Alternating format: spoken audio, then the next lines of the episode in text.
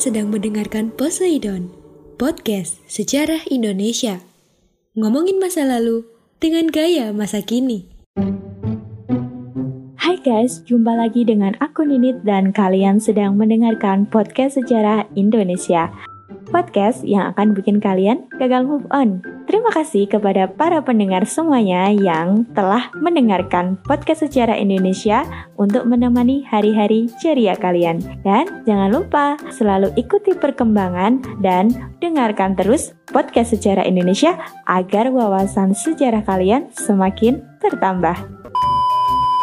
Pernahkah kalian menonton film kartun berjudul Flintstone?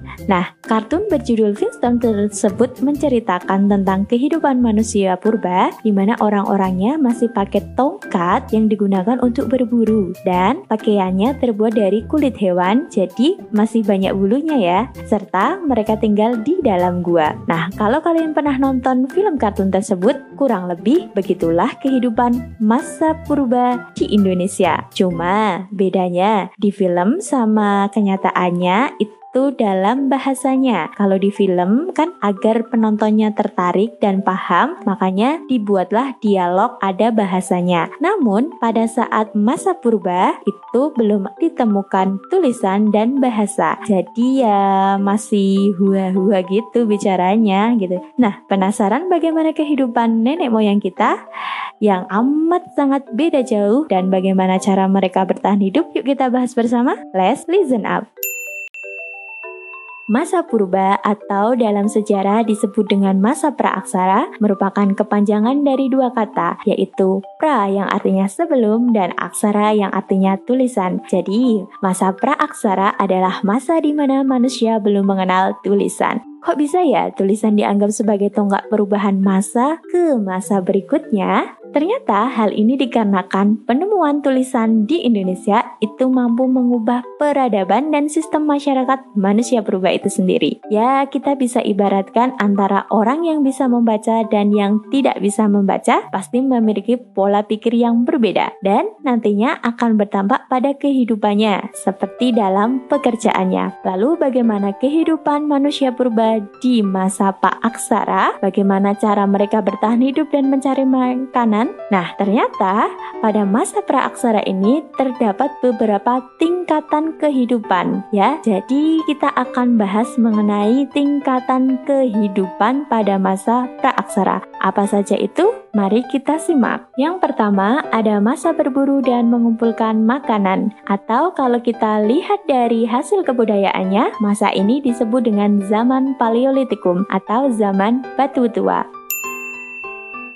Ada beberapa ciri dari kehidupan berburu dan mengumpulkan makanan. Di antaranya adalah manusianya masih hidup berkelompok kecil, kemudian mereka hidupnya berpindah-pindah atau nomaden, dan mencari makanan dengan cara berburu. Kemudian jenis manusia yang hidup di zaman ini itu dimulai dari jenis Pithecanthropus sampai Homo sapien. Jadi kalau kita lihat dari ciri-cirinya, pada masa ini manusia masih mengandalkan ketersediaan alam karena untuk mencari makanan mereka harus berburu. Sehingga apabila di suatu wilayah yang sudah pernah dia buat untuk berburu itu sudah habis, maka mereka harus pergi ke tempat lain. Nah, dari perpindahan tersebut makanya mereka belum mengenal rumah. Jadi, hidupnya masih berpindah-pindah atau kita sebut dengan nomaden ya. Lalu bagaimana cara mereka berburu? Nah, kalau zaman sekarang berburu itu bisa memakai alat yang yang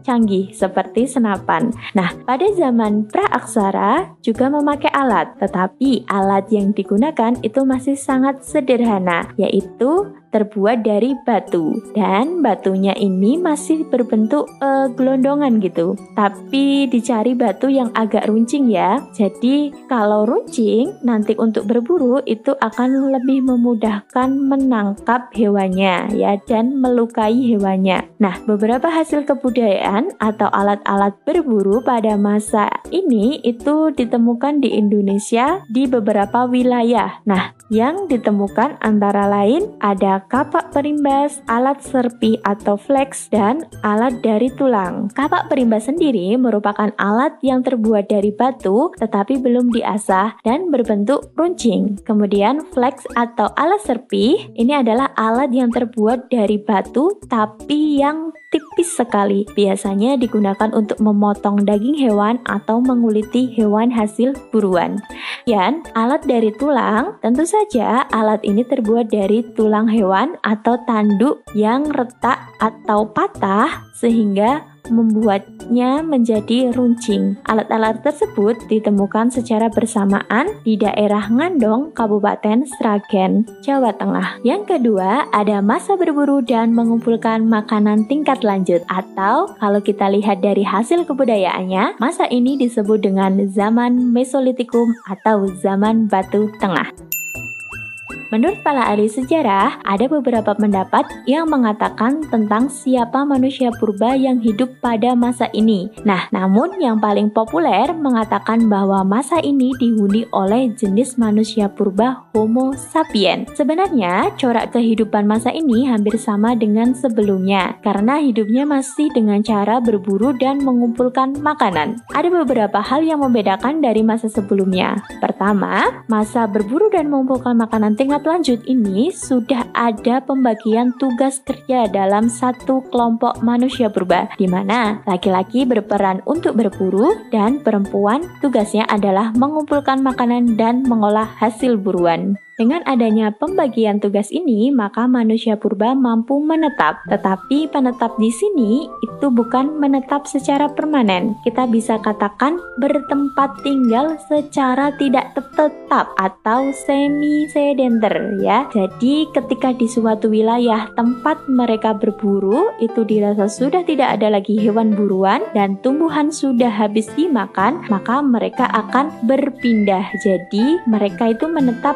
hanya untuk sementara saja ya gitu. Nah, manusia purba pada masa berburu dan mengumpulkan makanan tingkat lanjut ini mereka lebih memilih hidup di dalam gua atau ada juga yang tinggal di pinggir pantai. Pokoknya kehidupannya nggak jauh-jauh deh dari sumber air seperti sungai dan laut. Ya, kita tahu air merupakan sumber kehidupan. Makanya ada iklan yang menyebutkan sumber air di dekat. nah, kenapa bisa dikatakan ada kehidupan di pinggir pantai? Ternyata hal ini didasarkan pada penemuan peninggalan masa berburu dan mengumpulkan makanan tingkat lanjut di Indonesia. Di antaranya adalah Modinger atau tumpukan kulit kerang dan siput yang menggunung. Peninggalan ini banyak ditemukan di pantai di Pulau Sumatera. Dari Kyokamodinger ini berarti kita dapat mengerti bahwa manusia purba pada masa Mesolitikum sudah ada yang menjadi nelayan dan sudah mempunyai sistem pembuangan karena dikumpulkan menjadi satu sehingga kulit kerang dan sibut tersebut semakin lama itu akan semakin menggunung. Peninggalan masa Mesolitikum di Indonesia yang kedua adalah kebudayaan Goa atau disebut dengan Abrisaurus. Peninggalan di dalam goa ini dapat dikatakan hasil dari manusia purba yang hidup di dalam goa, di mana mereka melukis hewan, telapak tangan, dan tumbuhan. Dari lukisan-lukisan tersebut, itu menandakan sudah adanya kepercayaan yang dianut oleh manusia pada zaman ini. Peninggalan ini banyak ditemukan di goa-goa di daerah Maros, Sulawesi Selatan. Kemudian, selain dua kebudayaan tersebut, ada alat-alat yang dihasilkan dari masa ini, yaitu kapak genggam Sumatera, alat tulang atau pebble, dan alat-alat serpi. Kegunaannya sama ya seperti masa Paleolitikum, yaitu untuk berburu. Yang ketiga, ada masa bercocok tanam atau dari hasil kebudayaannya kita bisa katakan dengan nama masa Neolitikum atau zaman batu muda. Dalam masa ini, cara hidup berburu sudah mulai ditinggalkan, terlebih karena terdapat bangsa Proto-Melayu atau Melayu Astronesia dari ras Mongoloid yang bermigrasi dari Yunan. Yunan itu di daerah Tiongkok ya, ke Nusantara atau ke Indonesia. Hal ini membuat semakin maju manusia dalam mencari makanan. Bangsa Proto Melayu gelombang pertama datang melalui dua jalur, yaitu jalur barat dari mulai Yunan menuju ke Thailand, kemudian ke Semenanjung Malaya, dan sampailah di Sumatera, Jawa, dan Flores. Kemudian mereka juga melalui jalur timur. Nah, di jalur timur itu mereka melalui dari Yunan menuju ke Vietnam, kemudian ke Taiwan, melewati Kepulauan Filipina, dan sampailah di Maluku, Sulawesi, dan Papua. Keturunan ras Proto Melayu tua di Indonesia yang masih ada sampai sekarang yaitu suku Toraja,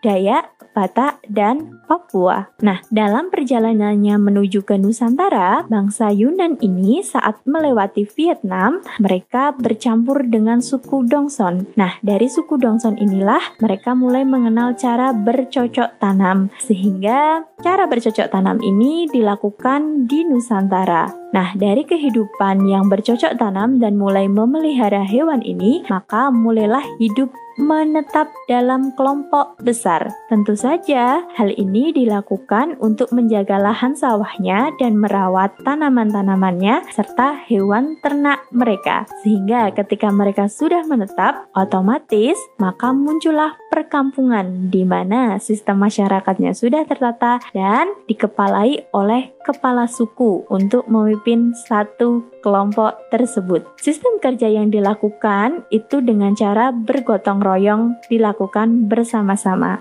Nah, dari bercocok tanam ini, maka alat yang digunakan sudah tidak lagi menggunakan alat-alat yang kasar karena tidak lagi digunakan untuk berburu, tapi lebih digunakan untuk mengolah lahan sehingga alat-alatnya sudah mulai diperhalus atau diasah. Nah, hasil dari kebudayaan Neolitikum itu kapak lonjong dan kapak persegi. Nah, dari ketiga masa tersebut, zaman praaksara juga sudah mengenal kepercayaan. Nah, sistem kepercayaan ini kalau kita lihat dari hasil kebudayaannya disebut dengan zaman megalitikum atau zaman batu besar. Kehidupan manusia purba juga sudah ada kepercayaan loh ya, yang dikenal dengan animisme dan dinamisme. Animisme itu sendiri adalah sebuah kepercayaan terhadap roh-roh nenek moyang yang sudah meninggal. Sedangkan dinamisme adalah kepercayaan terhadap benda-benda mati. Itu mereka percaya bahwa benda mati tersebut mempunyai kekuatan. Nah, dari kepercayaan ini, maka manusia purba mulai membuat alat-alat dari batu untuk upacara keagamaan. Di antaranya yaitu itu ada menhir. Menhir sendiri itu bentuknya tugu batu yang sangat besar sekali. Nah, itu digunakan untuk upacara keagamaan atau menyembah roh-roh nenek moyang. Kemudian ada dolmen.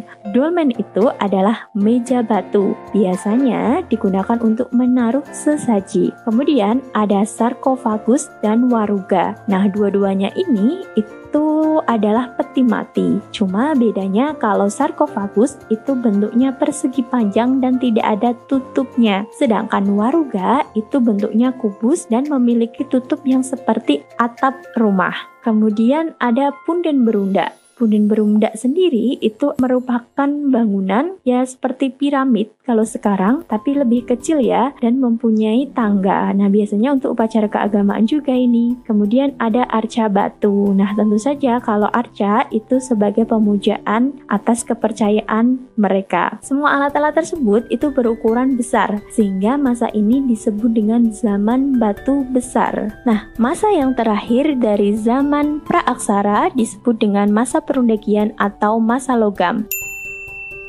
Nah, pada masa perundakian ini itu ada kaitannya dengan masa bercocok tanam. Di mas di mana masa bercocok tanam itu terjadi migrasi bangsa Yunan yang disebut dengan bangsa Proto Melayu tua ya di Indonesia. Nah, pada masa perundakian itu gelombang kedua dari migrasi Melayu Astronesia ras Mongoloid yang datang ke Nusantara disebut dengan Deutro Melayu. Bangsa ini membawa kebudayaan logam sehingga di Indonesia mulai mengenal benda-benda yang terbuat dari logam. Perlu kalian ketahui sebenarnya masa perundagian itu ada tiga, yaitu masa logam, masa besi, dan masa tembaga. Namun karena di Indonesia tidak ditemukan benda-benda yang terbuat dari tembaga, sehingga kita bisa katakan hanya ada dua saja, yaitu zaman logam dan zaman besi. Dekutur Melayu juga mengenal perdagangan, sehingga di Nusantara juga sudah mulai adanya perdagangan, tapi dengan sistem barter ya, yaitu tukar menukar. Belum ada mata uang sebagai alat untuk membeli. Nah, dalam pembuatan benda-benda dari logam itu ada dua cara, yaitu dengan cara teknik ecir perdu atau teknik cetak tuang yang menggunakan lilin dan bivalve atau teknik dua setangkup, yaitu seperti kalau kita membuat pastel, kue pastel ya, itu kan pakai cetakan. Nah, seperti itu kira-kira pembuatannya. Alat-alat yang dihasilkan dari perunggu ini antara lain ada negara dan moko. Ini merupakan alat yang berbentuk seperti dangdang terbalik yang berukuran besar. Namun untuk moko itu ukurannya kecil. Nah, biasanya untuk uh, genderang dalam upacara keagamaan ya. Kemudian ada alat yang ditemukan dari zaman logam. Ini ada kapak corong, ada bejana perunggu, ada patung perunggu dan perhiasan perunggu.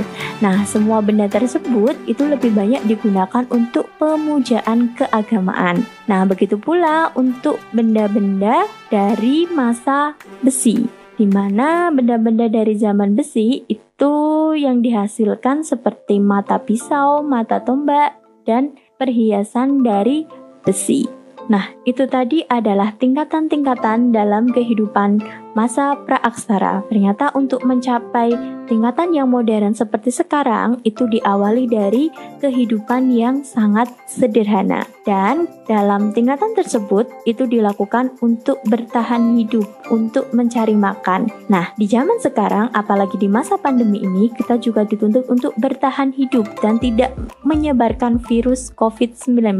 Oleh karena itu tetap patuhi 3M, menjaga jarak, memakai masker dan tetap mencuci tangan. Sampai jumpa di episode selanjutnya. Saya Ninit pamit. Terima kasih. Bye-bye. Terima kasih.